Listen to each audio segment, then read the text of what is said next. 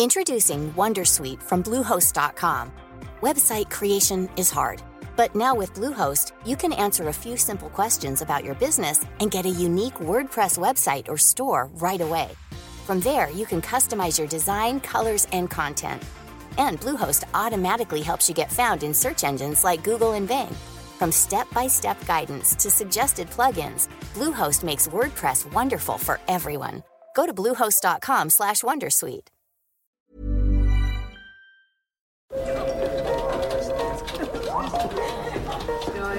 Dette er lyden av norsk næringsliv. Akkurat nå tas det små og store valg som kan bli avgjørende for fremtiden. Med økonomisystemet X-Leger tas disse beslutningene basert på informasjon i sanntid, slik at drømmer og ambisjoner kan bli virkelighet. Få kontroll og oversikt, gå inn på xledger.no. Denne sendingen er sponset av Xleger.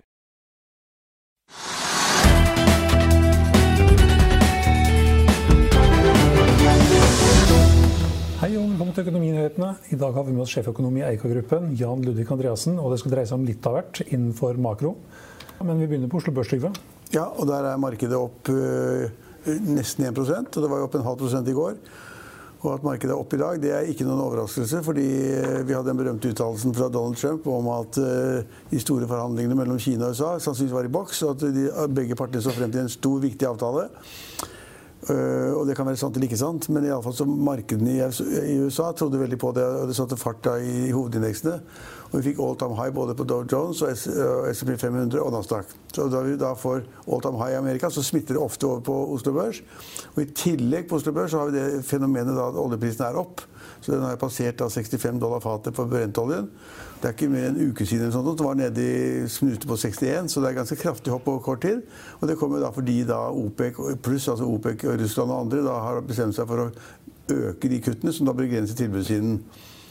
Så I Norge så har vi da glede av det, og da ser vi da at de, de typiske oljeaksjene, sånn som Equinor og Aker BP, de går opp 1,5-2 og det nå er opp 5-6% fordi at for det første det samme da, at oljeprisen er opp, men også det at de er deleiere i et funn i Nordsjøen et eller annet sted, som da gir større verdier for selskapet, kanskje. Mm. Funnet litt olje ved Heierundfeltet. Ja, så, i men iallfall så er summen av det at vi har, liksom da, vi har en liten sånn dytt i markedet av oljeprisen, som er naturlig. Det er korrelert med da prisen og aksjekursen i oljeselskapene, stort sett. Og, og da, det vi fikk da fra Amerika, det var nok til liksom få markedet opp. Og så I tillegg, sannsynligvis det som henger sammen, det er jeg ikke sikker på, at hvorfor finansaksjene går. Også det er kanskje fordi at man da tror at det blir bedre tider eller større handel, mindre risiko for tap, eller hva det måtte være. Men altså, det er en liten puff på finanssektoren også. Og også et par andre store selskaper. slik at det er en god dag på Oslo Børs. Selv om da økningen ikke er mer enn 0,7 eller 0,8% så er det en bra oppgang. Og vi har jo da Hittil i år så har vi en oppgang på 14% på Oslo Børs. Det er bra. Altså, de fleste mennesker burde være fornøyd hvis de fikk 14% på pengene sine. Og det er bra. Så det er en god dag. Ja. Så har vi et par uh, aksjer som ikke går like bra. Kværner f.eks. Ja, det er et godt eksempel eh, som også henger sammen med oljeprisen. Uh, kanskje. Altså, det er et oljeserviceselskap egentlig, men så kom de med en melding i går eller foregårs, en profit warning, hvor de sa at det kommer til å gå skikkelig dårlig med oss. Vi kommer til å selge mye mindre. Jeg husker ikke om tallene var at det ville omsetningen ville synke fra 10 milliarder til 6 milliarder eller noe sånt. Nå. I 2020. I 2020. Mm. Og det, det, er veldig sjelden at norske selskaper er så åpne og så ærlige. Og markedet da sendte jo det Kværner rett ned 15% og så har det, det kommer på kapitalmarkedsdagen. Ja. Mm. Men så, så, så, så markedet 15% ned, ok, og så har de da fortsatt sendt markedet ned, eller Kværner ned 3-4 i dag også. Så det, så det, henger sammen med det, det, som foregår. da. Mm. Så følger meglerhusene på med analyser og nedgraderinger av aksjen og senker kursmålene. Ja. Både ABG og Kepler og Den danske bank senker kursmålet til 12-12,50.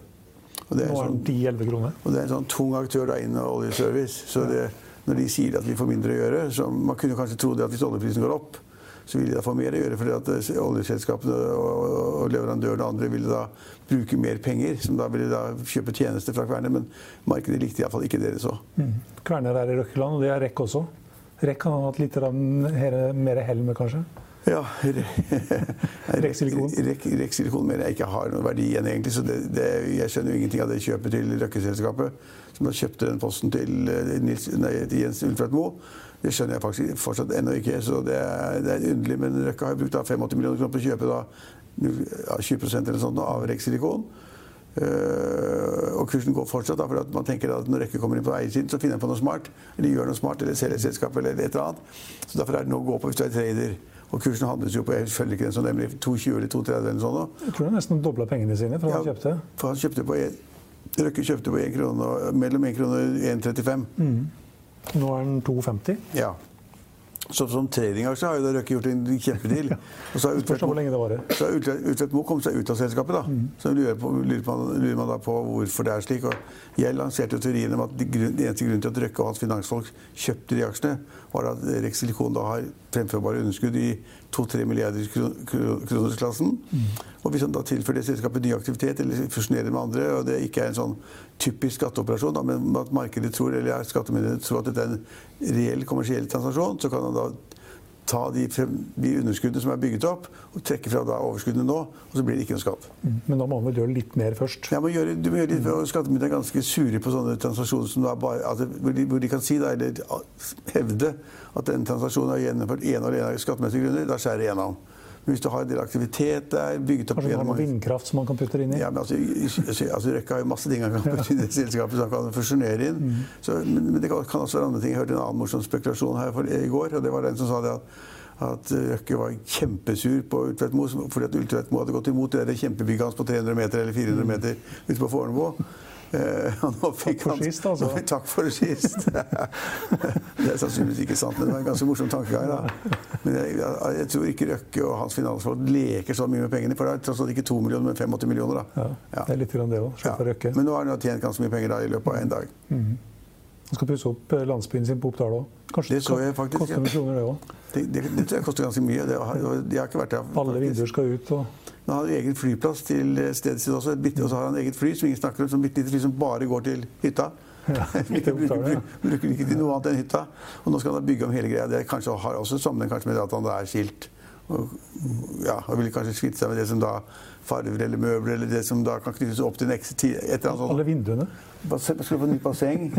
nytt basseng. Vi skulle bygge om hele hytta, da. Og når, jeg husker en gang vi så på det eller snakket eller skrev om det for mange år siden. Den gang sa vi at det kostet 200 millioner. Sa vi den gangen at det, gikk ryktene om at det kostet 200 Hvis han skal bygge om hele greia, så må han ha 100 millioner til, da. Da har du 300 millioner kroner på hytta, da. ja. Ja. Han, har, han, har jo pengene. Han er jo faktisk han er den personen i Norge som har høyest ligningsformue. Mm. Så ja, han har masse, altså, Poenget er at Røkke har masse børsnotierte selskaper. og da får man det da på, I ligningen så får du krone for krone. Så det er ikke noen sånne smarte eiendomsting og masse greier. Og det er krone for krone i alle selskapene som er på Oslo Børs. Og da får du en kjempehøy ligningsverdi. Og han er vel kanskje den i landet som betaler mest skatt. Han betaler 130-40 millioner i formuesskatt i året eller noe sånt. Mm, nesten rart at han bor i Norge fremdeles. Ja, Det kan du godt si, faktisk. Mm. Han kommer utenfra, så kommer han inn igjen. og så, ja, Det kan du godt si. Eh, på vinnerlista så har vi også et lite selskap som heter Softox Solutions. Ja, Det har jeg ikke peiling på, Stein Ove. Men det er i hvert fall en av vinnerne i dag, som er opp, eh, opp 14% nå. Hva driver de med? Ja, De er blitt eksperter på, eller i hvert fall så har de en teknologi innenfor sårbehandling som skal ja, redusere infeksjoner og gjøre at eh, sår gror fortere. Det er en sånn spesiell det sånn, teknologi. Det er sånn farmasiselskap da, som mm. går veldig når det kommer et nytt produkt eller kommer ny forskning eller nye forsøk. forsøk da pleier disse farmasiselskapene å hoppe 40-50 mm. Skal visstnok være veldig bra på kroniske sår. Ja. Uh, og de henta 75 millioner i natt, så det bidrar til at de kanskje kan akselerere det de driver med. Ellers så Tinfilm Electronics også er heller ikke et selskap vi snakker mye om, men det er opp 12,5% på Oslo Børs. Robert Keat, ja, han, er en av de han har tatt et nytt lite jafs av selskapet, kommet over 20% ja, det var vel, Vi kan ta med at vi har et par selskaper på all time high-listen vår. Fjordkraft f.eks. Athea, som er innenfor eh, for IT. PCI Biotech, et uh, biotekselskap. Og Ultimovax, også et biotekselskap. Ser ut som det er litt sånn sug, litt, litt sånn de litt spekulative aksjene, da. Ja, de spekulative aksjene. Tradingaksjene. Ja. ja. ikke de store, tunge, men det er litt, det er litt sånn god spekk. Mm. Det ser også. Ser også andre Nanovektor og flere av de andre biotekselskapene som, som har gått ganske bra i det siste. Men jeg så en ting da, før vi avslutter denne sekvensen, her, men det kommer over til gjesten vår. men jeg så det, det så ut som, når jeg så fort på skjermen, så så det som da faktisk krona styrket seg litt etter det som har skjedd i England med brexit og sånn. Probably. Mm. Henger kanskje sammen. Iallfall var det, det var noe, såpass mange øre at det var påtagelig. da. Mot dollaren var altså krona 9 kroner istedenfor liksom 9,18 og 9,15 nå mot euroen. Så da, jeg så på skjermen, så var den plutselig nå da 10,06 eller 10,05 eller noe sånt. nå. Kanskje Og har jo vært liksom- oppe, har vært oppe i 10,31. Mm. Kanskje det henger sammen med at oljeprisen stiger? Og at Ja, ja. for- Som oftest er det det. Kan vi høre fra Jan, kanskje.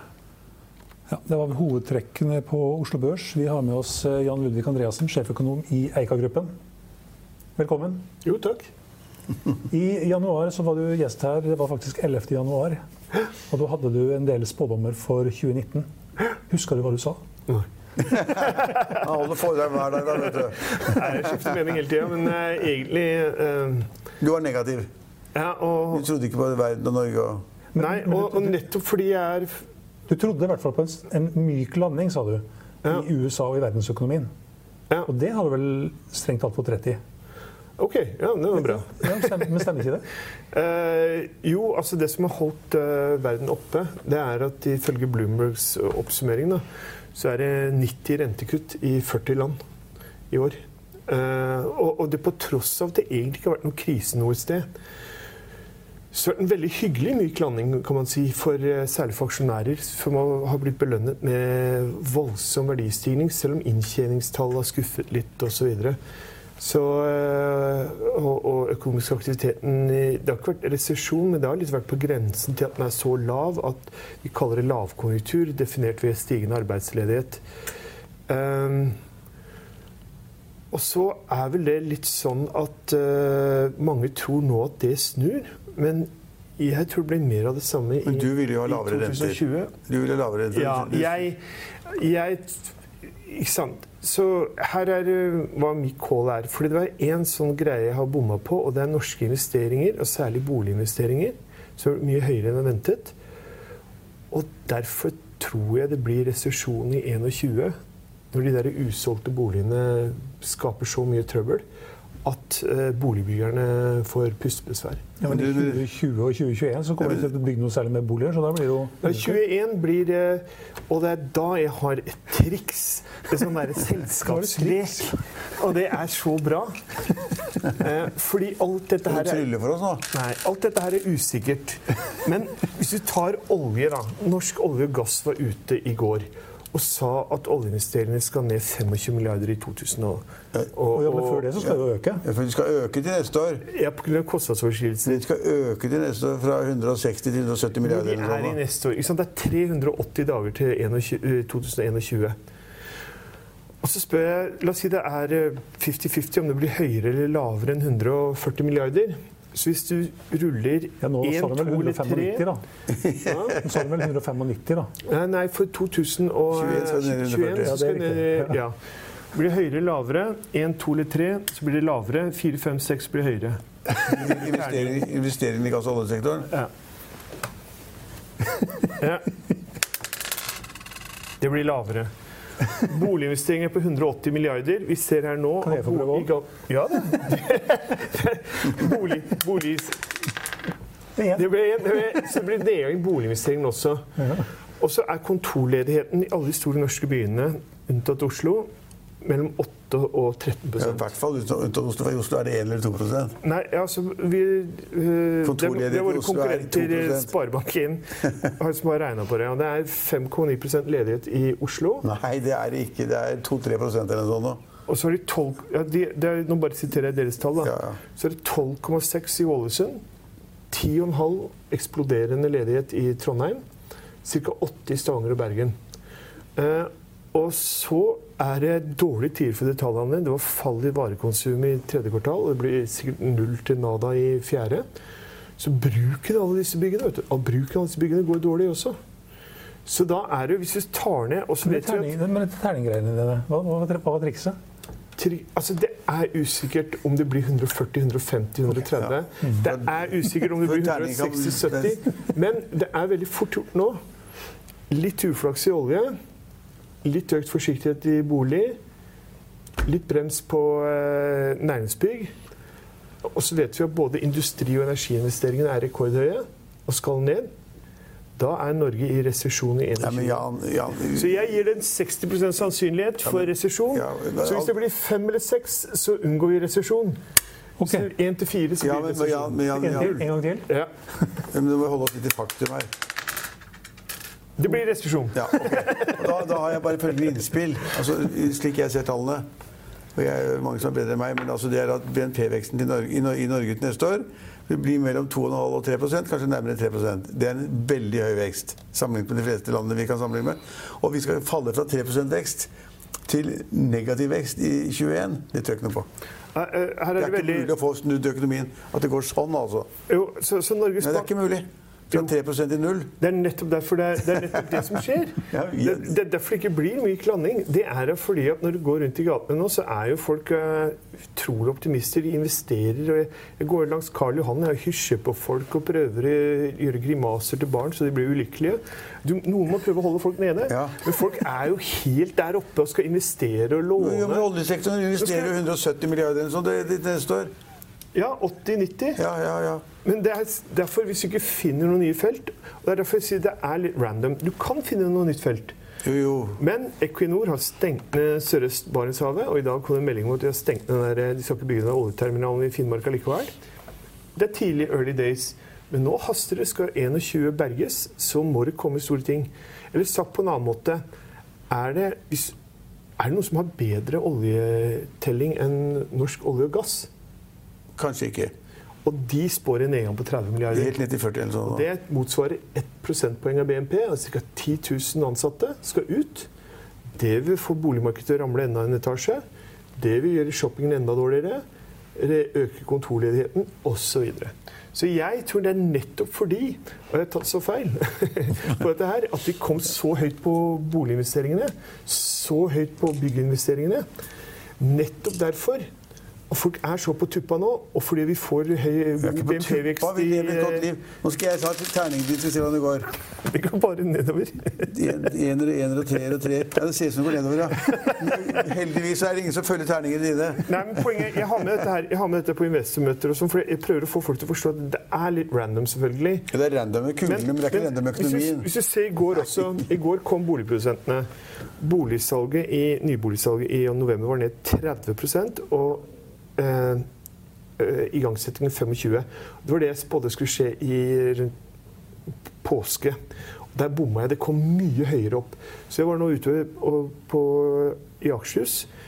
Eh, En entreprenør fortalte meg at i Ullensaker nå, før jul, er det 700 nye leiligheter til salgs. Altså Det er så mye boliger til salgs nå. Eh, Så den boliginvesteringen, de må ned. Ja, men derfor, er, derfor har man tatt igangsettingen ned òg. For man Ja. ser at det er veldig mye til så da tar man det ned. Og så kommer, så kommer resultatene i 21-22. Og Ja. da, da har man ikke bygget noe særlig, så da, da må prisen opp, da. Ja. Men vi, vi styrer mot en uh, V-formet uh, lavkonjunktur i 21. Vi er, ikke sant? Det er Jeg tør å snakke om lavkonjunktur. Vi går inn i et, et år hvor kanskje får 3% vekst. BNP-vekst. Nei, eh, Det er bonanza, det. Eh, 380 dager fra nå så er vi i resesjon, er liksom overveiende sannsynlig. Og da legger jeg ikke noe annet til grunn enn den, de estimater som Norsk olje og gass gir. De tallene vi fikk i går fra Boligprodusentenes forening osv. Det er ikke noen der veldig radikale grep som skal til Ja, for at vi vipper over og blir ja, Norges Bank senker renten, da? Ja. Ja. Og så er en sånn tilleggsting. Eh, vi har ikke en svak krone. Nei, nå, nå nå begynte det å bli sterkere, faktisk. Nei, men krona må Det som skal berge Ja, en- oss i Er det enda lavere krone, kanskje? enda lavere krone. Ja. Så hvis det skjer, så går det bra likevel. Nei, altså det, det er det jeg lurer på når vi kommer ned Husk hvis oljeinvesteringene faller, og det kommer aldri tilbake. Det er ordentlig strukturelt, ikke sant? Og boliginvesteringene bare må ned, fordi vi kan ikke bygge flere tomme boliger. Og så kjøpesentrene, der, det er jo så elendig lønnsomhet når vi kommer over årsskiftet, og masse konkurser og greier. Bør noe av dette reverseres? Nei. Så om Norges Bank velger å holde an litt og eh, jeg, jeg har lagt til grunn du, du snakker nå om 21 og 22. Ja, Jo, men, Tallene i, i, i 20 blir jo veldig høye og bra for norsk økonomi. ja, men vi får Vi kan ikke senke renta allerede nå, da. Nei, men vi får gode forventningsrette anslag på. Dette er lyden av norsk næringsliv. Akkurat nå tas det små og store valg som kan bli avgjørende for fremtiden. Med økonomisystemet X-Leger tas disse beslutningene basert på informasjon i samtid, slik at drømmer og ambisjoner kan bli virkelighet. Få kontroll og oversikt, gå inn på xledger.no. Denne episoden er sponset av van Brun, en fremtredende smykkeforhandler kjent for sitt brede utvalg av forlovelsesringer, gifteringer og diamantsmykker som bæres og elskes i generasjoner. Et frieri er en av de største øyeblikkene i livet, hvor forlovelsesringen er et tidløst symbol på kjærligheten. Valg av ring krever omtanke for både hvilket metall og diamant, med et bredt spekter av både naturlige og labdyrkede diamanter, og metaller som platina, gult gull, hvitt gull og roségull hjelper de deg med å sette et personlig preg på din kjærlighetshistorie. Van Brun vil gjerne invitere deg til å prøve på tre av dine favorittringer fra nettsiden helt kostnadsfritt. Du kan også låne et bredt spekter av frieriringer, slik at du og din forlovede kan velge en ring sammen etter det store ja. Van Brun tilbyr 90 dagers åpent kjøp og 90 dagers gratis størrelsesjustering. Utforsk deres eksklusive sortiment i luksuriøse omgivelser. Bok en konsultasjon sammen med en diamantekspert i deres showroom i Oslo. Eller online på vanbrun.com. V-a-n-b-r-u-u-n.com investeringene året etter, i mai. Altså, så I mai 20 får vi gode investeringsanslag for olje, industri, strøm osv. I 21? For 21. Ja, nettopp, ikke for... Eh, og, og, og, hvis de er det så dårlige som, her, som Norsk olje og gass tilsier, som jeg, boligprodusentene tilsier, industrien skal liksom ned eh, Elektrisitetsforsyningen, hvis ikke vi får lov å bygge vindmøller, så kommer det også til å falle kraftig. Eh, vi har jo havna i en veldig pussig situasjon. Vi legger ned pelsdyrnæringen som tjener penger og ikke trenger statsstøtte. Vi har masse vind. Du har 100 utøvere da, Jan. 100 pelsdyrbønder. Vi får ikke lov å bygge vindkraftverk, og vi kan ikke bore etter olje der oljen er. i Det er jo veldig sprøtt hvordan vi har stelt oss. Så, men uansett, vi får en kraftig investeringsledet nedgang. Og oddsen er at den er så sterk at BNP Fastlands-Norge 21 blir på minustallet. Vi får jo håpe da at du ikke, tar, eh, at du ikke har rett denne gangen heller. For stort sett så går det jo mye bedre enn det du har spådd. Ja, du har jo bomma i flere år på de nedgangsprognosene. Vi, vi, vi, kan ta en, vi kan ta en før vi svinger over, før vi svinger over på boligprisene, Jan, så kan vi ta en liten titt på det innslaget her. Men summen av det du sier at du, for den der boligtempen som Finansavisen driver med, hvor du mm. tapte i fjor, det er fair enough. Da ligger du på minus tre. Ja. ja. og de som da ligger på Jeg skal gjøre omvendt. Hvis jeg ikke vinner i år, så skal, du, skal, skal, skal dere få en flaske champagne hver. Herlig, altså. Deal. Deal. Og hvis du ikke får rett hvis ikke du vinner boligtempen, så skal Trygve og jeg få en uh, champagne hver. Dæven, jeg glemte å kjøpe den. det, skal, det skal kjøpes inn, altså. Ja, den skal kjøpes inn, og det skal kjøpes på polet. Ikke noe sånn billig taxfree-tull, altså. ja. Er du like sikker på at det blir resesjon i 21 som at, du var på at boligprisen skulle ned i 2019? Nei, eh, det jeg har lært, da, det er å gi det litt sånn odds. Men jeg sier det er overveldende sannsynlig. Og, og, det er faktisk sånn, det er ikke sånne tippekamp hvor du liksom Å ja, jeg tippa at Liverpool skulle tape, og så vant de. Neste kamp kommer. Nei, nettopp fordi at, bomma, at de bygde mer enn jeg trodde. Nettopp fordi prisene kom så høyt. Så er det Vi har bygd oss uh, fallhøyde her. Uh, og nettopp derfor ser det så svakt ut i 2021, og faktisk allerede i 20. Men det, det, det, er en liten sånn inkonsekvens. Altså, du, du, du, sa jo selv at det var uh nesten bråstopp da, igangsetting og produksjon av nye boliger osv. Nei, ja, ja altså i november ja, Når igangsettingen synker dramatisk, så vil det sette i gang mye mindre i 2020. Og Hvis de setter i gang mye mindre i 2020, så vil jo da resultatene vise at det kanskje er mangel på, mangel på boliger i 21 eller 22. Altså Det som skjer, og det her er andre greier for, eh, som var veldig uventet for meg da, vi har fått en mye sterkere sentralisering enn jeg hadde trodd. Og vi har den sterkeste sentralisering tror jeg jeg noensinne har opplevd. Det er 200 kommuner i Norge nå som i år vil få befolkningsnedgang. Mange vil få rundt halvannen prosent av befolkningen forsvinner. Eh, og vi ser på eh, tallene Det er Viken, inklusiv Oslo, da, som, og, og, Vestfold, altså Oslofjordområdet, står for sånn 60% av omsetningsverdien på boliger. 60% av befolkningsveksten. Og 60% av, 70 eh, av befolkningsveksten er rundt Oslofjorden. Og eh, 60 av boligmassens verdi er rundt Oslofjorden. Og vi følger dette ganske Vi har eiendomsverdi på ukentlige tall. Og hvis du ser eh, Rogaland og Hedmark nå i desember, så gjennomgående går eh, enebolig, leiligheter og tomannsboliger 4-5% under prisantydning. Så har vi tall for Oslo hvor det er på prisantydning. Og det er uventet sterkt. Så det skillet mellom Oslo og resten av landet, det har eh, virkelig spilt meg et puss. Eh, men nå faller det ordentlig så det holder eh, der hvor det er bygd for mye. Eh, og landet eks-Viken, altså eks-Oslofjordområdet, falt halvannen prosent i oktober, falt halvannen prosent i november og kommer til å falle en 2-3% i desember. Men de som er- sitter nær markedet i Oslo, sier at prisene i Oslo skal stige med 2-3 bare i januar. Uh, Ja, det, det kan være, det kan være, det- ja, altså det, kan være, det kan være at den effekten fortsetter. Uh, i det jeg har sett i Bærum, da, og i hvert fall sak i Budstikka som føljetong, er problemet med å selge de u, eh, alle disse gamle Blokk Vatne-eneboligene som nå koster 10-15 millioner kroner. Eh, og som ungdom ikke vil ha. Eller altså ungdom, altså folk i 20-30-årene som skal etablere seg. Det er jo bare barn for meg. og så, og så poenget er så, så, Men i en viss forstand så og dette her, Men dette her er jo helt klassisk. Gode tider, lave renter lever til overinvesteringer i tank, supply, rigg og eiendomsmarkedet. Og så holder det seg kun der hvor det er mangel på objekter. Og så kan det være at jeg bommer på Oslo, altså at det er mangel på objekter i Oslo, som jeg er litt sånn skeptisk til det. Men jeg vet at det er overskudd av boliger rundt omkring i stort sett I hvert fall resten. Kristiansand. Det vet vi. Der er Stordalen og Bokarter åpenbart bygget for mye. Og skal bygge for mye. Ja, og, det er bra det på mange måter. Da kommer disse barnefamiliene inn for en rimelig penge og får satt i gang livet sitt. Så det her er ikke noen krisekatastrofe, men der hvor det er bygget for mye, der skal byggingen falle.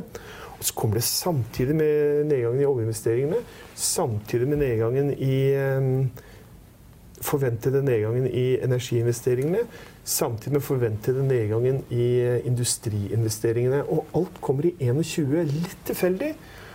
Og min frykt er at det også er selvforsterkende. Oi, nå faller industri- og oljeinvesteringene. Da vil vi i hvert fall ikke bygge boliger. Og så videre. Så, så jeg, jeg Det kan være rett og feil. Det kan være Da rett får og feil. staten bygge veier og tunneler, da. Ja, det er det vi kommer til å gjøre. Sykehus. Vi kommer til å bygge veier og tunneler og bruer dit ingen Ja, men er ikke det fint, da? Ja, det er ikke det fint, da? Jo. Men det kommer først i gang i når vi ser resesjonen. Så kommer ikke da før i 22 eller sånn, det da? Nei, de har ikke, de har ikke lagt opp for dette her. Og, og det, det som jeg syns er veldig rart, da eh, Du hører ungdomspolitikere snakke om nei, slutt å bore etter olje. Til og med Unge Høyre er jo der nå. Ikke sant? Ja. Ikke bore etter olje. Ja, da har vi 100 000 mennesker som må omstille seg. Hvor er de penga hen? Hvor er de skolegreiene? Hvor er de næringene hen? Hva slags kronekurs skal vi ha for å omstille 100 000 folk fra olje- og industrinæringer Men- men som er ikke- oljerelaterte?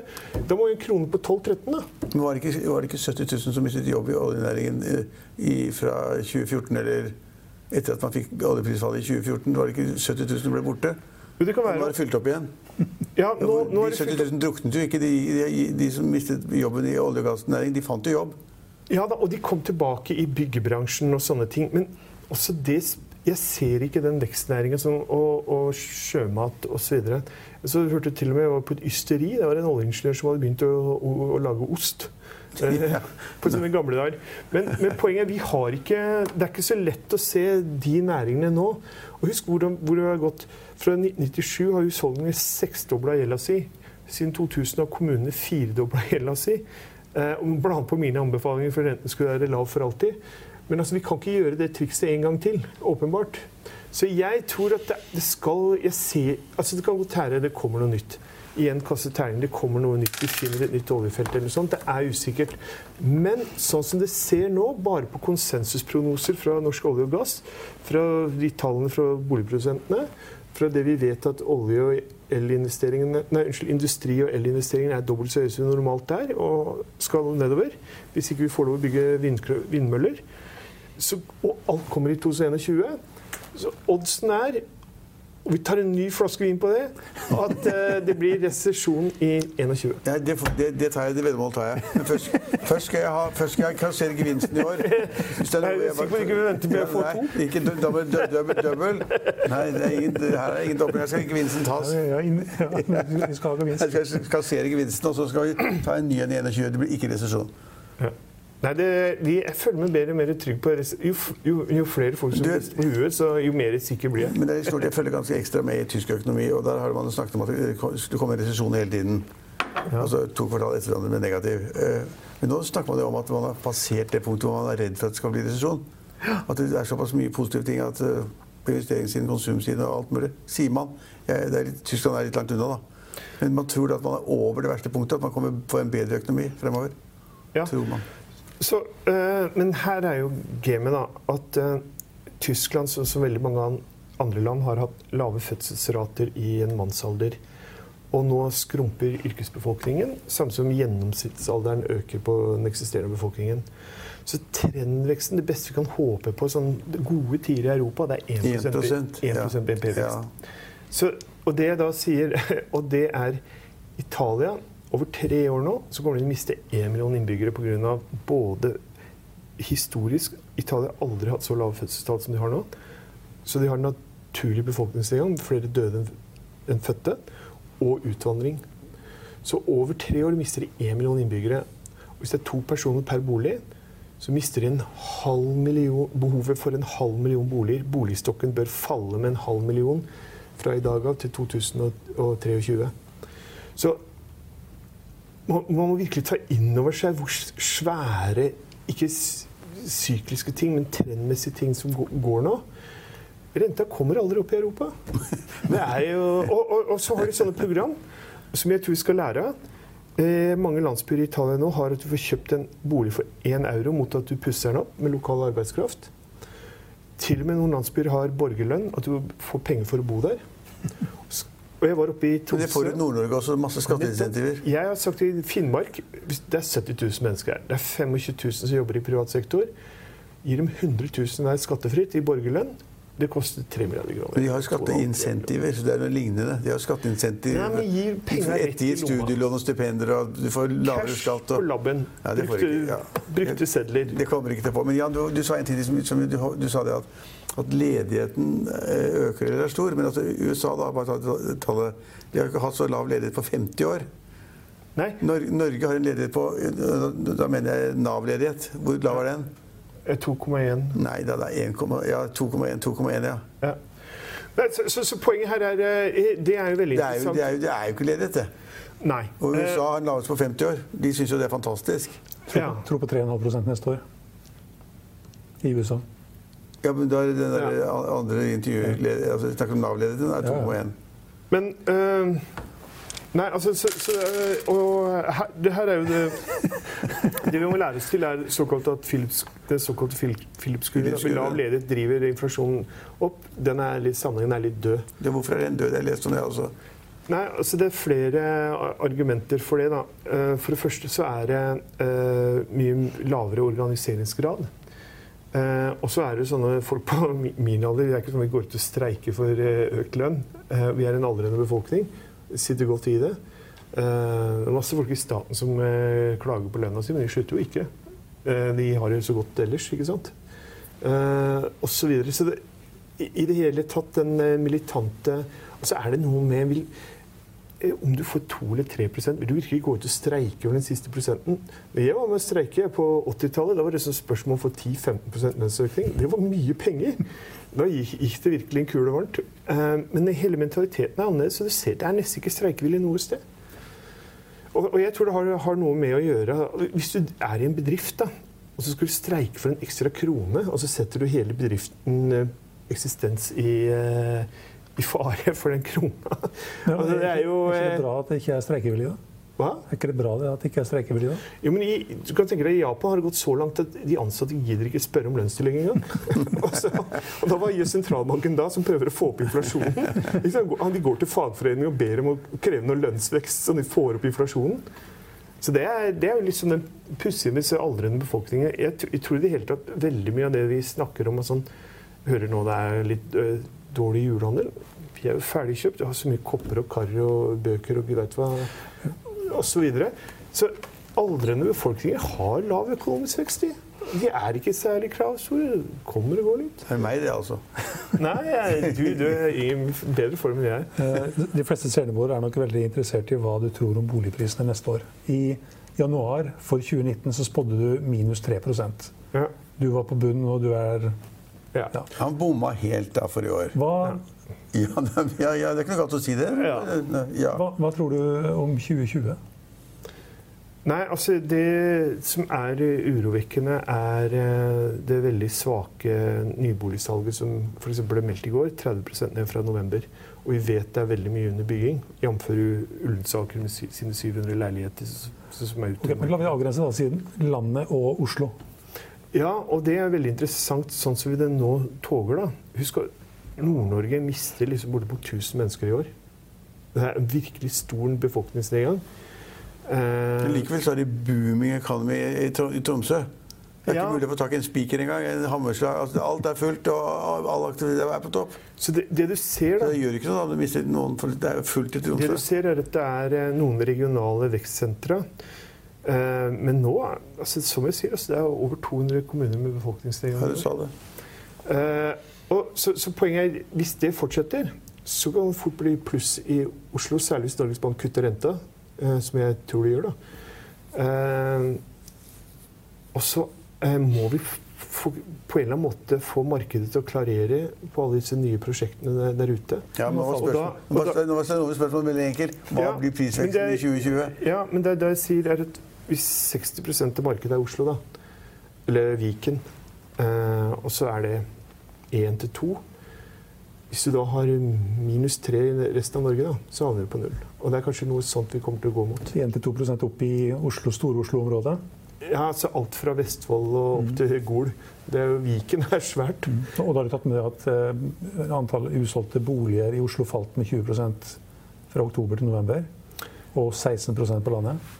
Ja, Får vi se hvor mye som bare er trukket. Det er jo ikke akkurat noe spesielt Jeg skjønner ikke hvorfor folk heller har disse annonsene på Finn før jul. Det er jo ingen som Det er ingen å se på det. Så det er liksom Det er naturlig.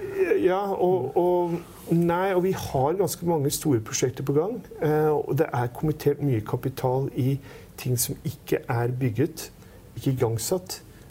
Eiendom er kjøpt, saksbehandlet, ferdig til bygging. Hvor en, og entreprenørene, altså utbyggerne, har veldig mye egenkapital nå, så de kan ta en del risk. Men altså, jo mer de bygger, jo verre blir det. Men Men nyheten, nyheten er at du spår at boligprisene skal opp 1-2% i Oslo, Stor-Oslo-området. Ja, og, og, og Ja, de er, det er vi nesten enig i. Ja, jeg tror det. Altså, vi, tror Nyheten er at han tror det. ja, vekst, vi tror at veksten kanskje blir 2-3% i januar inn i februar. Men- og så faller det mot, mot sommeren. Altså, hvis da eh, aktiviteten er såpass lav som Jan sier på slutten av året, så kan det falle litt. Det kan, de siste to-tre månedene kan det falle. Da, da ender det liksom pluss-minus null. da. Eller pluss opp 1 til 2. Men uh, til den agendaen så er, ser det ut for meg som ditt, vi har- Ja, Vi kan ta en liten Ja. på boligtempen ja, det, det ser ut som Ola Mæle kommer til å vinne i år. Fordi jeg tror I fjor hadde vi en helt merkelig desember. At det var oppgang i prisene i desember. Og normalt faller de 2% Så Ola Mæle og Terje Burås de har 2 Opp. ja, Ja. for året. Så Ja. hvis det blir en normal desember da, med ca. 1,5-2% boligprisfall, og vi starter med 3 prosentpoeng, så havner vi mellom 1 og 2 på året for desember. Og da er det Pål Baug, kanskje? Nei. Nei, det er, det er noen folk der inne i eh, mellom 1 og 2, da. Ja. Bjørn, Bjørn Erik Øie i Prognosesenteret har 1 Pål Baug har 1,5 Andreas Martinussen ja, han, eh, Bjørn, Bjørn Erik Øie er en hyggelig fyr. Han kan få en champagne. Men ja, du ligger helt, helt nederst der. Til høyre der. Ja, og oh, du kan, kan, jeg, kan jeg ta hvitvin istedenfor champagne?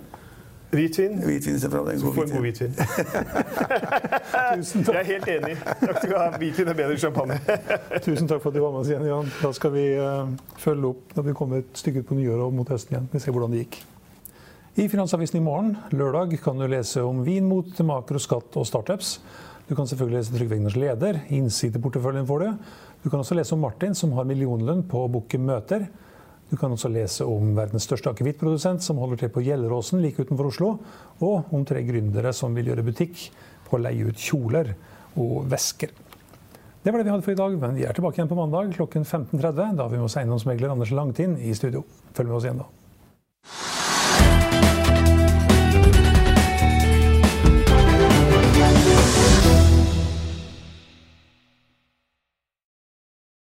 Denne sendingen er sponset av Xleger. Økonominyhetene er en podkast og videoproduksjon fra Finansavisen. Programleder er Marius Lorentzen. Aksjekommentator er Karl Johan Molnes. Produsent er Bashar Johar. Podkast- og videoansvarlig er Marius Mørk Larsen. Og ansvarlig redaktør er Trygve Hegnar.